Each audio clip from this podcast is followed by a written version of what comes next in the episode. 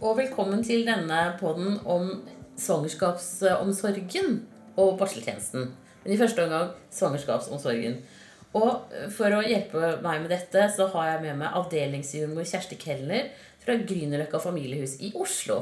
Velkommen. Hei, hei. Hei. Takk for det. Dere har sånn rundt 1050 fødsler i året og 61 000 innbyggere. Så det er en ganske svær bydel, da. Ja da, vi, er, vi har mye å gjøre her. Ja, ikke Ja, det er spennende sted. Ja. Eh, og da er det da jord... Og så er det jo svangerskapsomsorgen vi skal snakke om dette her. Og alle kommuner plikter å ha en svangerskaps- og barselomsorgstjeneste. Mm, det stemmer. Ja.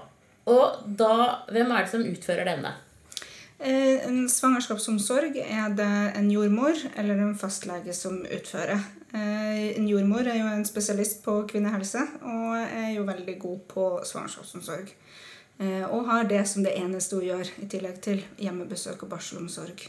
Og kvinnehelse litt generelt med prevensjon. Ikke sant? Og rådgivning. Mm, stemmer. Uh, og, men hvis det er sånn at man bor i en kommune da som ikke har jordmor, eller altså jordmortjeneste, hva gjør man da? Nei, da må man jo se om kommunen, se hjemmesidene f.eks. Se om at de har eh, interkommunalt samarbeid, for små kommuner har gjerne det. Eh, og sånn at man må til nabokommunen for å få møte jordmor.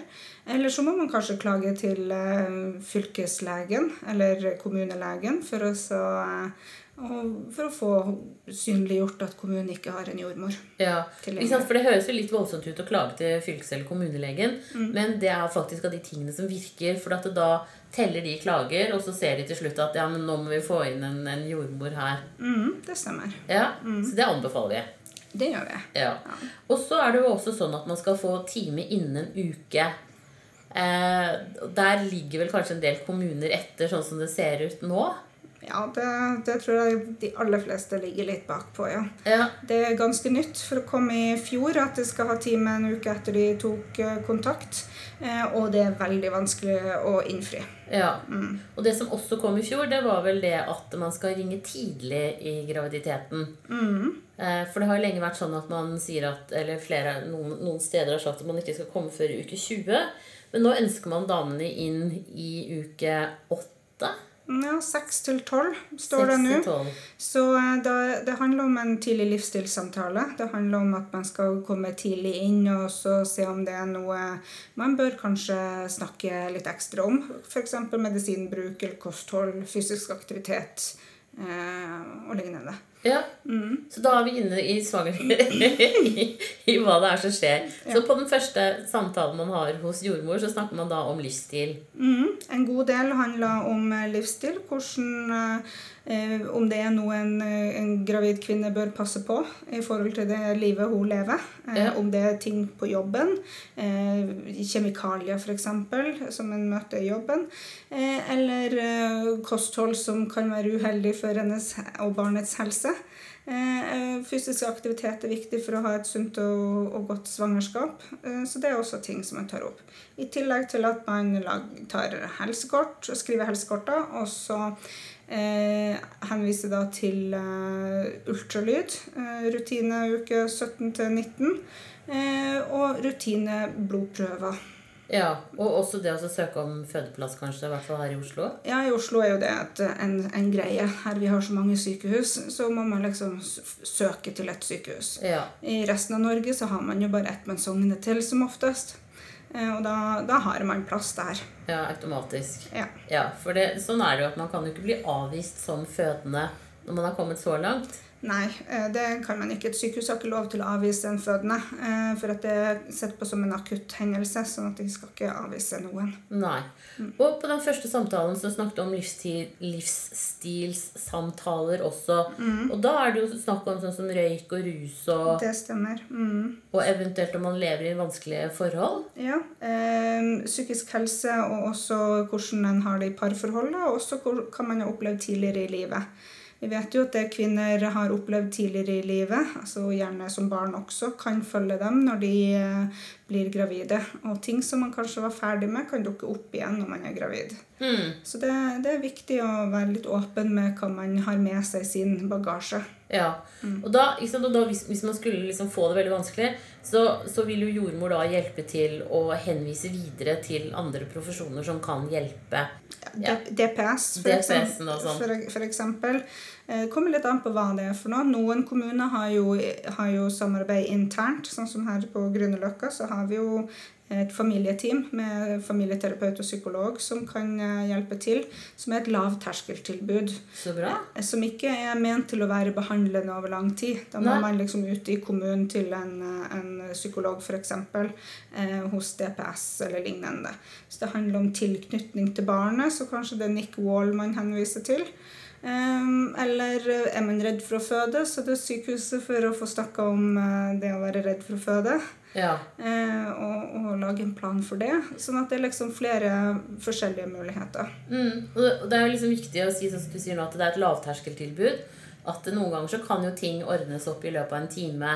Mm. at det ikke behøver å være så mye, mens andre ganger som du også sier, tar lengre tid. Da. Men poenget er vel det at man på en måte sier fra hvis man, hvis man trenger hjelp. da. Ja, det er viktig. Ja. Men med sånn vanlig svangerskapsomsorg videre, mm. hva, hva skjer når skal man komme tilbake?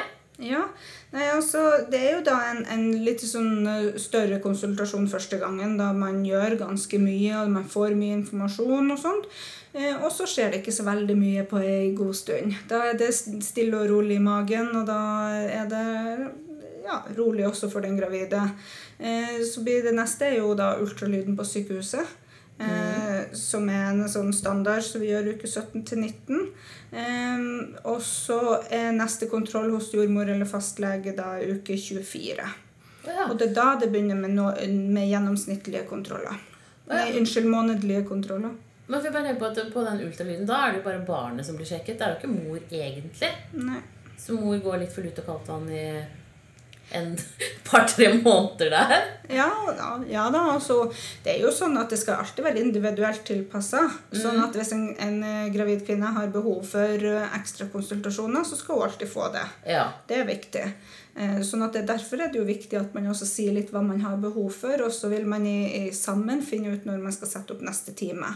Men et standardprogram for alle friske kvinner, så er det en, en tidlig svangerskap, og så går det noen måneder før at man egentlig gjør så veldig mye mer. Og da fra uke 24 så er det månedlige kontroller i noen måneder, for Ja. det blir annenhver uke. ja. For jeg får jo litt spørsmål på Alt for mamma om det. Og kanskje særlig i det strekket fra 12 til 20. da. Eh, eller til man kommer på den ordinære ultralyden hvor folk liksom lurer på er jeg egentlig gravid lenger. Eh, har den falt ut uten at jeg merket det? Eh, sånne ting. Kan man da, hvis man opplever det sånn og blir veldig engstelig, kan man da ringe til jordmor og be om en ekstra time? Eh, Så lenge jeg ikke har hatt noe blødning eller noe, noe magesmerter eller noe andre tegn på sykdom, så er det egentlig ikke behov for noe kontroll da. Da er man fortsatt gravid. Det er bare det at det er så tidlig, og at man ikke kjenner noe til fosteret ennå. Ja.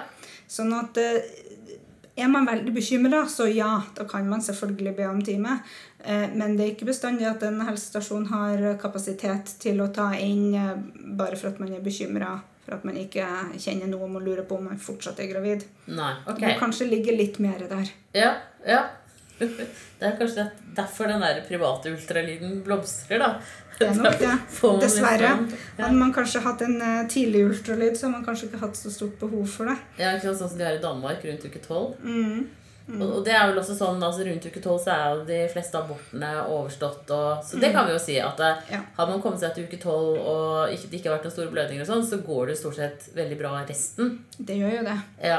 Men, men sånn, hva slags tegn er det man på en måte skal være på vakt overfor i forhold til eh, om man skulle Jeg, jeg tenker liksom sånn der svangerskapsdiabetes eh, hvordan, hvordan vil sånne ting eh, Hvordan kjenner man det eventuelt på kroppen i forhold til å kunne da be om en ekstra jordmortime? Det er ikke veldig mange gravide som merker svangerskapsdiabetes på kroppen. Men Nei. det er jo diabetessymptomer generelt. Eh, Det er det jo at man er veldig tørst og løper mye på toalettet, som kanskje kan gjøre uansett som gravid. Så Ja. det er veldig vanskelig å, å, å ha noen sikre fysiske tegn for eh, den gravide sjøl. Sånn at eh, da er det jo rutinekontroll for det. Eh, mellom uke 24 og 28. Ja. Eh, sånn at eh, de Ikke rutine for alle, men det er nesten alle. Ja. Ca. 70% av alle gravide kvinner, i hvert fall i Oslo, eh, må ta en glukosebelastning for å se om man utvikler svangerskapsdiabetes eller ikke. Men det er veldig bra, da. Da altså, for da, det du egentlig sier nå, er jo at de fleste er jo veldig friske, da. Det er I. I den perioden der. Så egentlig så er det lite å bekymre seg for. Veldig lite. Og, og sånn eh, svangerskapsforgiftning og sånn, det får man jo ikke før seinere som oftest. Ja, det er ytterst, ytterst sjelden det skjer noe av det tidlig, ja. Ja, ikke sant? Og da, og da er man jo på en måte i en tettere kontrollløp. Det er man. Ja. Så da er det nøkternt sett kanskje bare urinveisinfeksjoner man behøver å tenke på eh, eventuelt Ja, i hvert fall hvis man har vært plaga med urinveisinfeksjoner Ja. eh, tidligere, for da kan de jo komme hyppigere tilbake når man er gravid. Ja. Det tas jo også en eh, dyrkning av urin for første kontroll også, så man ser etter sånn eh, asymptomatisk bakterieuri, altså en Ja. urinveisinfeksjon man ikke har symptomer på. ja. Mm, Men da må man ha med seg en ren urinprøve, sånn Ja. såkalt midtstrømsprøve. Ja, ikke sant? Mm, Men som, som er litt rælete å ta, men som, som er viktig å ta. det er det, Ja. ikke sant? For det blir mange ekstra å ta hvis man bare ikke klarer å få den rein. for da Ja. får man seg forurensning med sånne bakterier som lever i området til vanlig. Ja, Men hvordan ha. gjør man det på en bra måte, da? Eh, Da skal man eh, gjerne vaske seg litt nedentil. Eh, En våt serviett er fint. Eh, Tisse litt, og så skal man ta prøven, og så skal man tisse ferdig. Ja. Det er en ren Ja. midtstrømsprøve.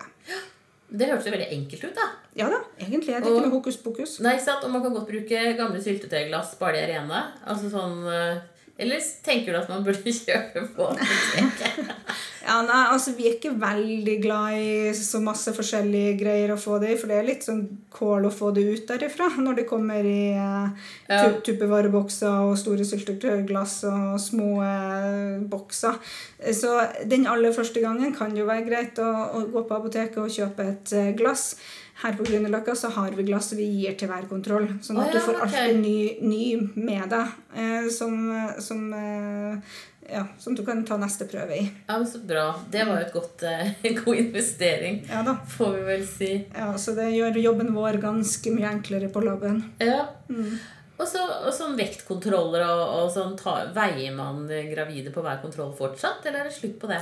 Det kom vel egentlig tilbake litt. Ja. Eh, for det har vel vært en sånn periode hvor vi ikke brydde oss veldig mye om den vekta. Eh, og man må vel kanskje se litt på helheten. Hvis man har et vanskelig forhold til vekt, så er det kanskje ikke det som er aller viktigst.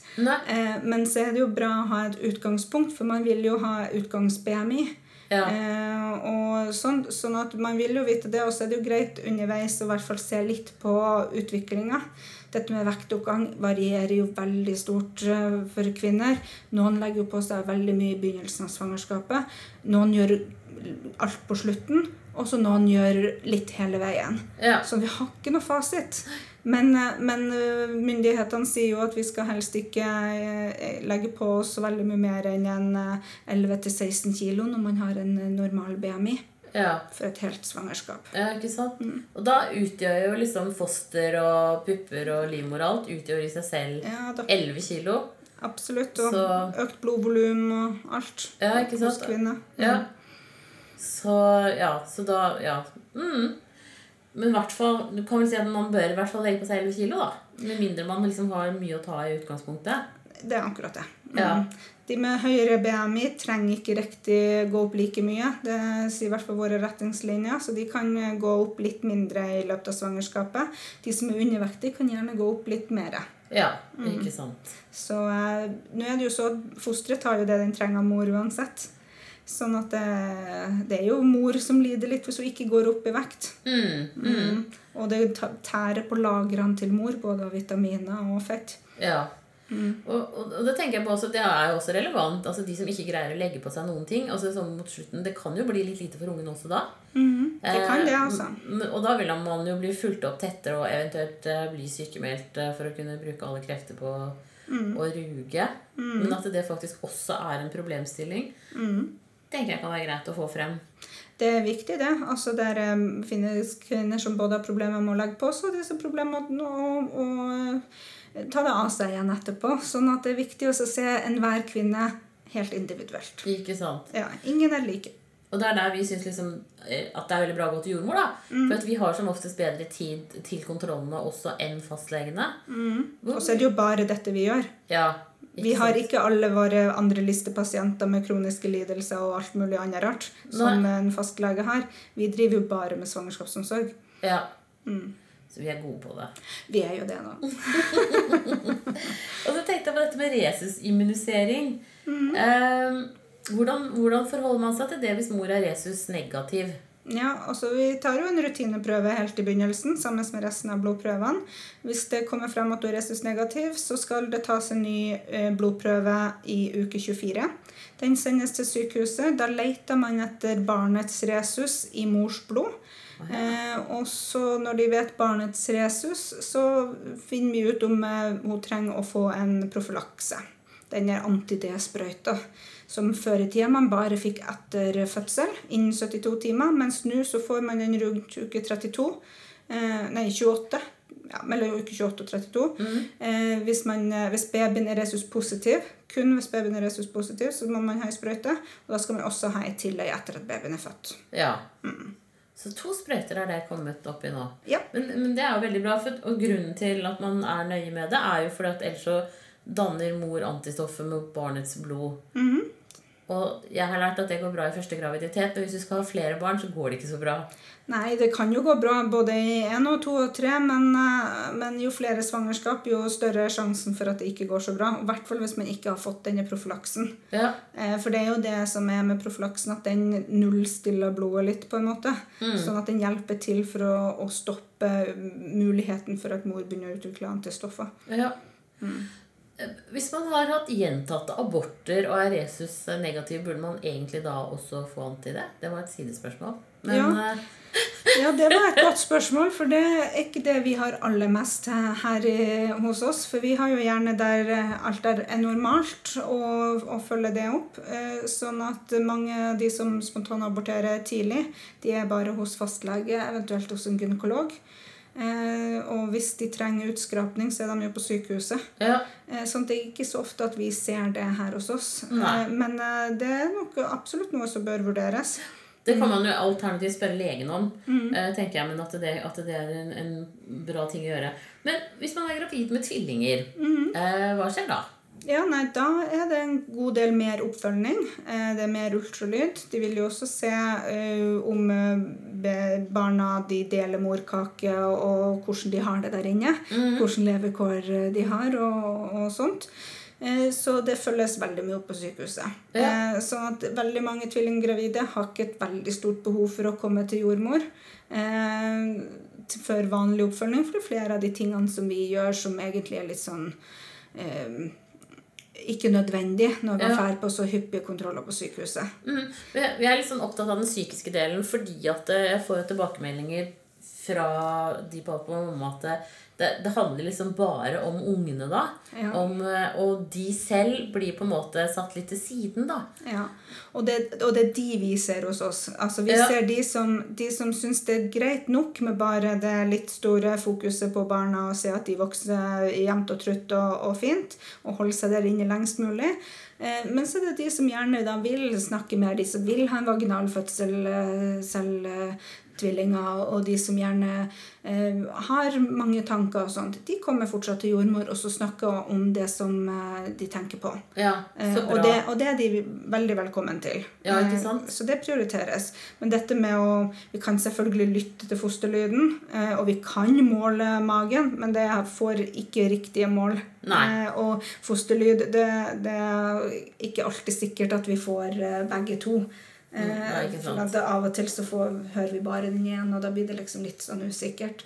Men er ikke det fra sånn rundt uke 20 at man begynner å gå på hyppigere kontroller da med ultralyd og, og sånn på sykehuset? Ja, Jeg tror det er rundt uke 20. Ja. Mm. Så det, det, det begynner ganske tidlig. Ja. Og så er det hver måned, og så blir det hver 14. dag. og sånt, Så det er ganske mye. Og mange føler at de ikke har overskudd til å også skal komme hit. et. Nei, ikke sant. Og så skal de gjerne en tur til fastlegen, for noen ting skal følges opp der også. Ja. Ikke sant? Sånn at da blir det litt overflødig. Så det kommer litt an på den enkelte. Vi har hatt mange tvillinggravide her også. Eh, så, men da, da må man liksom oppsøke oss. Ja, ikke sant?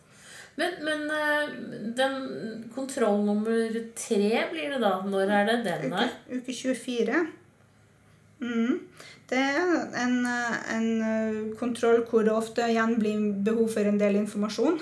For at da har det gått en stund siden sist. Ja. Så da blir det en del informasjon eh, i forhold til hva som har skjedd siden sist, og hvordan de har det. Og det er da vi også begynner å, eh, å snakke om å kjenne fosterbevegelser. ja. For, eh, innen uke 24 så kjenner de aller, aller fleste eh, daglige fosterbevegelser. Det er viktig å følge med på. Ja. Det er liksom det sterkeste sunnhetstegnet man har når man er hjemme alene.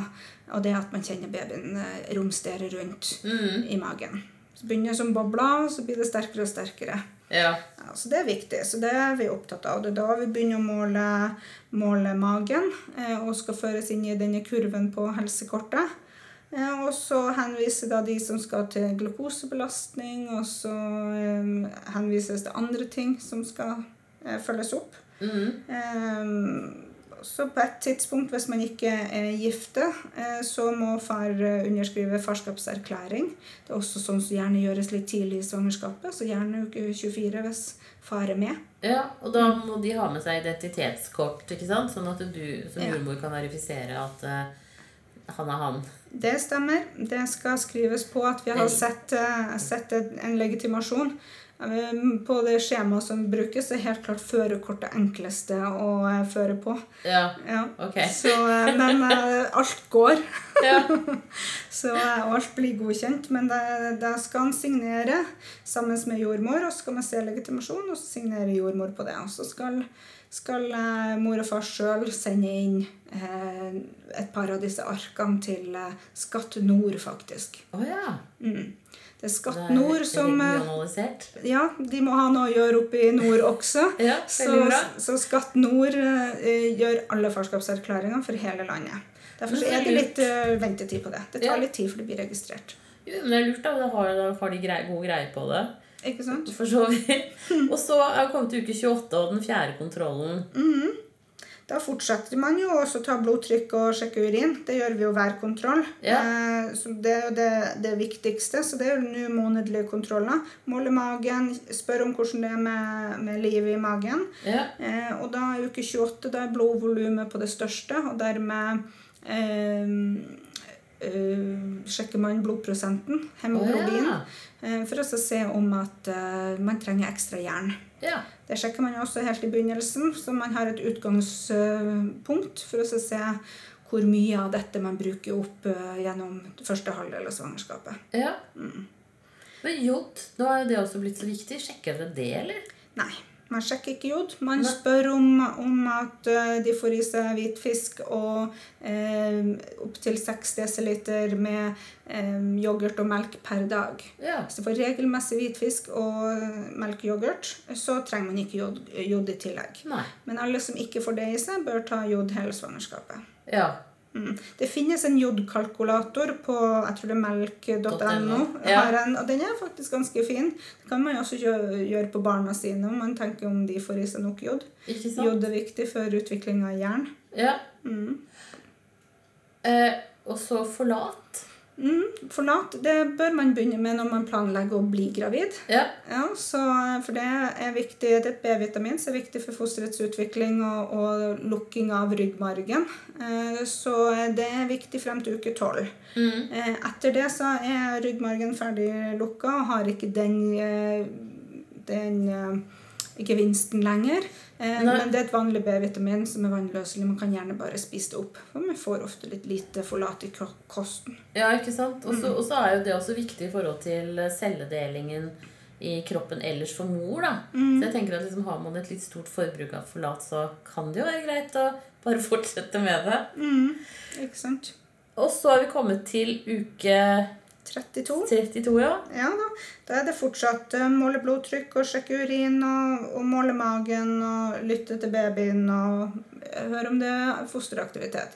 Så er det jo da å, eh, å snakke om eh, amming, eh, begynne å snakke litt om fødsel. Vi bruker Ja. ofte å ta, snakke litt om amming før man snakker om fødsel, for at da er man fortsatt mottagelig for, eh, for den informasjonen. Og at kanskje man husker noe frem til, eh, til øh, etter fødsel. Når man kommer nærmere termin, så blir man ofte litt sånn enspora på fødsel, og at da er man ikke like mottagelig for ammeinfo. Nei, ikke sant? Ja, så, eh, så det, det, er viktig. Så er det jo da om det finnes eh, kurs der man bor. Fødselsforberedende kurs, eller foreldreforberedende kurs, eller ammekurs. Det er jo litt sånn ymse rundt om. For det kan jo variere veldig sterkt fra helsestasjon til helsestasjon? Det stemmer. Mm. Mm. Så, eh, så, det kan være interessant å undersøke i sitt, eh, sitt område hva som er. Ja. Eh, hvis det ikke finnes kurs, eller man ikke ønsker å gå på kurs for at det koster mye, så skal man få informasjon én til én hos jordmor på helsestasjonen også. Ikke sant? Og da kan jo partneren også være med Helt klart. og stille spørsmål. Da kan man jo sette av en dobbelttime for å dekke det området. Mm. Eh, og så må vi vel si sånn at Når det gjelder både amming og fødsler, og hele alt det, så er det er jo ingen spørsmål som er for dumme til å stilles? Absolutt ikke. Og jeg bruker å si til mine gravide skriv dem ned. Ja. For man har en tendens til å glemme dem, ned, glemme dem, av når man først kommer til jordmor. Sånn at det har med seg en liste. Ja. Om du har det på telefon eller en papirlapp, det er ikke så nøye. Men uh, ta med en liste, sånn at man får spurt alle de tingene man, uh, man går og lurer på i, mellom, i de mellomukene. Ikke sant? Ja, men Det er veldig bra. Og da er vi kommet til VIPS Uke 36? Ja, 36. Det er første gangen vi faktisk bryr oss om hvordan babyen ligger. Eh, så mellom uke 36 og 37 da, da vi ønsker at hodet skal være ned. For da begynner det å bli såpass trangt at de ikke klarer å snu seg så godt. Mm. Sånn at da er det viktig å, å, at man skal kjenne leie. Så da eh, kjenner jordmor godt etter. Ja. Eh, hvis hun er litt usikker, så har hun ofte en kollega som man kan spørre om å kjenne i lammet. Og er man fortsatt usikker, så sender man alltid til sykehuset ja, for å få sant? konferert. Noen ganger hvis det ikke er bare akkurat runda 36 uker, så sier man kom tilbake om noen dager, skal vi kjenne en gang til. Ja. 37. Litt for at sykehuset helst ikke vil ha usikkert leie innenfor uke 37. Nei. Mm. Og da kan det jo være snakk om eventuelt hvis det blir seteleie, om, om det skal være planlagt keisersnitt eller ikke. Ja. Mange kan velge å føde vaginalt eh, hvis det er seteleie. Noen, får, noen, sykehus forsøker å vende babyen utvendig. Ja. Mm. Så man dytter babyen rundt i et hodeleie. Ja. Men det er ikke bestandig at det funker, for at de kan snu seg på nytt igjen. Ja, så den er litt sånn vanskelig, så det er alltid en sånn vurdering gjort av en lege hva man gjør når det er et seteleie. Ja, ja. Mm. Så, og, og, og, da er det jo også sånn at eh, seteleier har vel et litt sånn ufortjent dårlig rykte. Mm. Så ofte så går det jo veldig bra. Det gjør jo det. Så, så mm. men, men, det er en, som du sier, en legeavgjørelse. Og, og, der kan man veie for og mot og mm. komme med innspill selv og si hva man selv ønsker sånn innenfor en viss mm. grense. Da. Det er klart at Hvis man har et fryktelig trangt bekken, en stor unge, mm. som absolutt ikke går ned i bekkenet i det hele tatt, så, mm. så vil jo keisersnitt være en løsning. Men mm. ser man, ligger man an til å ha et godt bekken, tar man røntgen av bekken fortsatt? Ja, det, noen gjør det. Ja. Mm. Jeg er vel litt sånn som går opp og ned med moten. Noen ganger så tar vi det, og noen ganger gjør vi ikke. Og jeg ser, hører begge delene. Ja, ikke sant. Så da er det helt individuelt i forhold til det fødestedet man sogner til, da. Ja rett og slett. Um, sånn seteleie, det er vel sånn som stort sett gjøres på sentralsykehusene. Jeg bare tenker på nå, nå går jo denne stormen om disse småsykehusene. Mm. Uh, det er vel regnet som en komplikasjonsfødsel, sånn at da skal du til et sentralsykehus og føde. Hvis ja, det, er et oppdaget seterleie. Ja, til en fødeavdeling. Mm. Ikke sant? Jeg tror ikke du er nødt til å være på en kvinneklinikk. For det er jo Nei. tre nivå. Det er jo kvinneklinikk som er øverst, og så ja. er det jo fødeavdelingene, og så er det fødestuene. Du skal jo ikke være på en fødestue med en, eh, et uh, kjent seterleie. Men det fødes jo seterleie der også, av og til. Når det ikke, det ikke er oppdaga. Ja. Ja. Mm. Og det skal jo alle, alle altså, eller regionene blir det jo nå, skal jo ha en tredelt uh, ah, fødetilbud. Det skal de. Mm. Det skal Så. være differensiert ut ifra eh, tilstand til mor. ikke sant? Eh, hvis hun har tilleggssykdommer, eh, så er det noe som skal følges opp tettere på sykehuset. Som tvillinger, som vi også sa. Mm. Det er også sånt som skal på en eh, kvinneklinikk. Jeg tror ikke de er på fødeavdeling. Hun er litt kom, usikker. Kommer vel an på hvordan beredskapen er der. Ja, det er vel det. det. Så eh, vi har jo så bortskjemt i Oslo, for her er det bare kvinneklinikker i, i, rett i nærheten. Ja, ikke sant? Mm. man glemmer jo Det er jo bare ABC som fins i Oslo og Akershus. Ja, og Som Bærum er, eh, er, vel kanskje et, eh, en fødeavdeling. Ja, men det er ikke en, det er ikke en sånn Forsterka. førstelinjetjenesteavdeling. Nå, blir jeg helt mista, jeg. Det er ikke en jordmordrevet Det er ikke en fødestue. Nei, det er det ikke. Det, det, der er det leger i vakt, og der kan du gjøre et, et eh, keisersnitt. Ja. Eh, men der er det ikke en nyfødt intensivavdeling Nei, eller barnelege. eller barnelege. Ja, så den er en sånn krysning. Mm. Men jeg personlig syns det er tragisk at ikke det er en, en fødestue i Oslo og Akershus. Mm. Her hvor det er så steike kort vei uansett til store fødeklinikker. Mm. Men det er en politisk sak, så det, det må vi ta en annen gang. Vi har jo ABC, da. Ja, men de, de er jo sprengte. Det er de. Så de kunne jo gjerne ha vært litt større. Ja, det kunne de absolutt. Men så har vi da kommet til uke 38. 38. Ja, da er det egentlig bare å snakke om fødsel og det som eh, Eller fortsette å snakke om fødsel og det som en bekymrer seg for. Ja. Eh, hva enn som rører seg i kvinnens eh, liv. Eh, og fortsette selvfølgelig å ta blodtrykk og urin og, og lytte til babyen og måle magen og sånne ting. Dette målet på magen det gjør man jo ofte pga. at man skal følge med at babyen vokser som den skal. Ja. Ikke vokse for fort eller vokse for sakte. Ja. Nå, da er man jo kraftig nærme fødsel. Hva pleier du å si til kvinnene? Når er det de skal kontakte føden? Det, det kommer an på hvilket eh, sykehus du har, har fødeplass på, men, eh, men sånn som Ullevål, hvert fall, de har eh, organisert det med en fødegynnmottak, sånn at da kan man ringe til fødegynnmottaket eh, og få svar av jordmor til enhver tid. Ja, for det er døgnbemanna. det er døgnbemanna. Det er jo fødeavdelingene også, sånn at der man sogner rett til en, en fødeavdeling, så tar man direkte kontakt med fødeavdelinga. Og da gjør man det når man er bekymra. Hvis man ikke har kjent babyen sparke, f.eks., ikke kjent noe liv i magen, og man har, har liksom eh, kjent litt etter, eh, Ja. drukket noe kaldt eller noe søtt og, og slappa av litt for å se om det blir noe aktivitet, da venter man ikke til neste dag Nei. og så ser hva som skjer. Da ringer man direkte til sykehuset. Og Det er det er vel egentlig fra sånn uke 36, kanskje? Det skal man alltid gjøre. Ja. Uansett hvor langt det er kommet etter uke 24. Å ja. Mm. Ja. Man, hvis man har, kjenner babyen regelmessig, og man har blitt kjent med babyens mønster, og, og det kommer en dag man ikke kjenner babyen eh, aktiv lenger, Ja. så skal man reagere uansett hvor langt man er kommet. ja. Men i uke 16 det blir litt for tidlig. Det er for tidlig. Men det er vel sånn at man, her i Norge så er det at eh, et barn født fra uke 34, nei, 24 og ut, oppover skal jo satses på. Mm. Sånn at, eh, at det er derfor. Eh, Men det er jo veldig bra. Men, men sånn tegn på Hvis vi kommer da til Fødsel. ja, Mm. tegn på fødsel. Ja, tegn på fødsel. Da er det jo eh, Kan jo ofte starte med den berømte slimproppen. Ja. Eh, den eh, er jo eh, eh, litt sånn sagnomsugne, for det er ikke alle som merker den. Så den kan forsvinne uten at du har eh, lagt merke til det, bare sammen med utflod.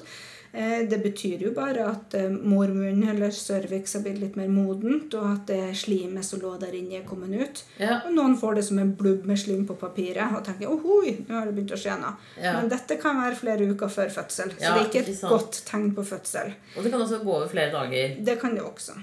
Sånn at eh, tegn på fødsel er jo f.eks. at vannet går. Da har man enten allerede fått ria, eller så kommer de stort sett inn 24 timer etter at vannet har gått.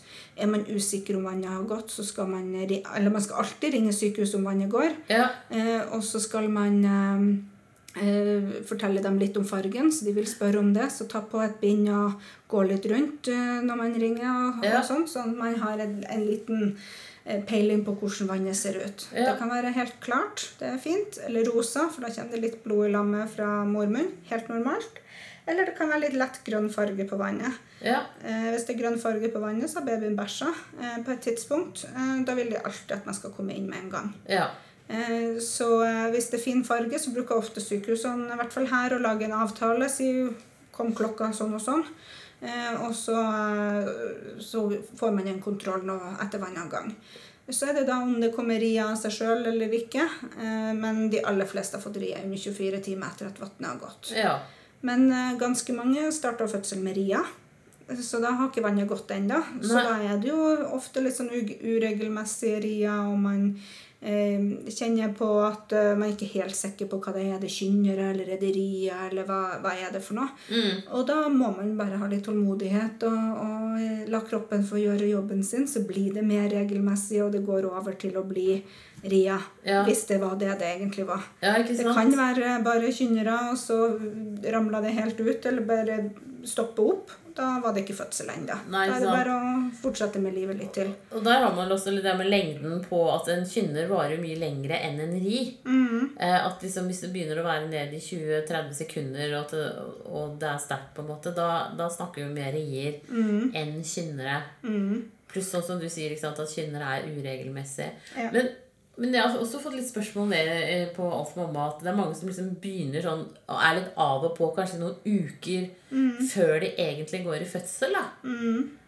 Det kan jo være litt slitsomt. Det kan være veldig slitsomt. Så, så det er viktig å prøve å ta vare på seg sjøl og ikke bli supergira hver gang man kjenner noe og tenker at yes, nå er det fødsel, og nå skal jeg på sykehuset. Ja, Eh, og I Oslo blir du sendt hjem da, hvis du kommer for tidlig. ja ikke sant? Det, det er de ganske opptatt av. eh, Ja. For det er så kort vei her, vet du.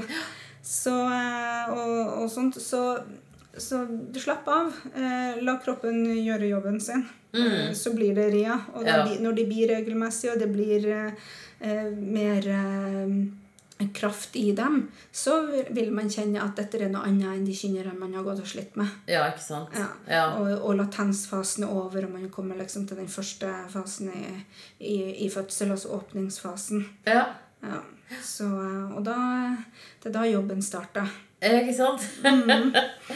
ja. Eh, men, men så da, den, Fra uke 38 så er det da en kontroll i uke 40, eller er dere innom i uke 39? Nei, det neste er da uke 40, så langt Ja. alt er normalt. Ja. Hvis det er noe man trenger å følge opp, så kommer man inn tidligere. Ja. Helt klart. ja. Eh, Så eh, på den 40-kontrollen, det som skiller den ut fra resten, er at eh, da ringer man alltid til sykehuset og bestiller overtidstime. Ikke sant. Den skal være syv til ni dager etter termin, Ja. ut fra det retningslinja sier. Ja. Ettersom det kommer med helg og sånt. Ja. Ja. Mm. Så den bestiller man uansett eh, for at alle skal ha den. Og så eh, når man går i fødsel før den timen, så blir den bare sletta når man kommer på sykehuset. ja, ikke sant. Så man må ikke stresse noe med det. Nei. Fått noen regning i posten eller noe. Nei da, Det er veldig bra. det skal man ikke. Men da, når man da eh, vel har født, så er det jo nytt nå at man får hjemmebesøk av jordmor. Barselvisitt. Ja. Det, det, det er barselbesøk av jordmor. Eller hjemmebesøk av jordmor. Kjært barn har mange navn. Ja, ikke sant? Så, og for jordmødrene så handler det jo om at vi skal komme tidlig hjem. Eh, og når eh, sykehus og helsestasjon ikke nødvendigvis snakker så godt sammen eh, elektronisk, så trenger de fleste helsestasjoner beskjed om at eh, man er på tur hjem fra sykehuset. Ja. Sånn at man får planlagt dette For det opplever jeg nå på barsel. Sant? At folk rett og slett har fått eh, nummeret til jordmor og ringer sjøl Ja. den dagen eller dagen før de reiser hjem. da. Mm. Men dette her var jo kjempebra.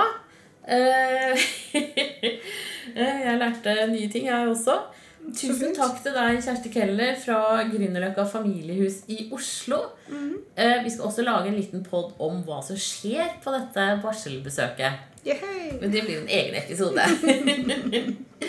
tusen, tusen takk. Bare hyggelig.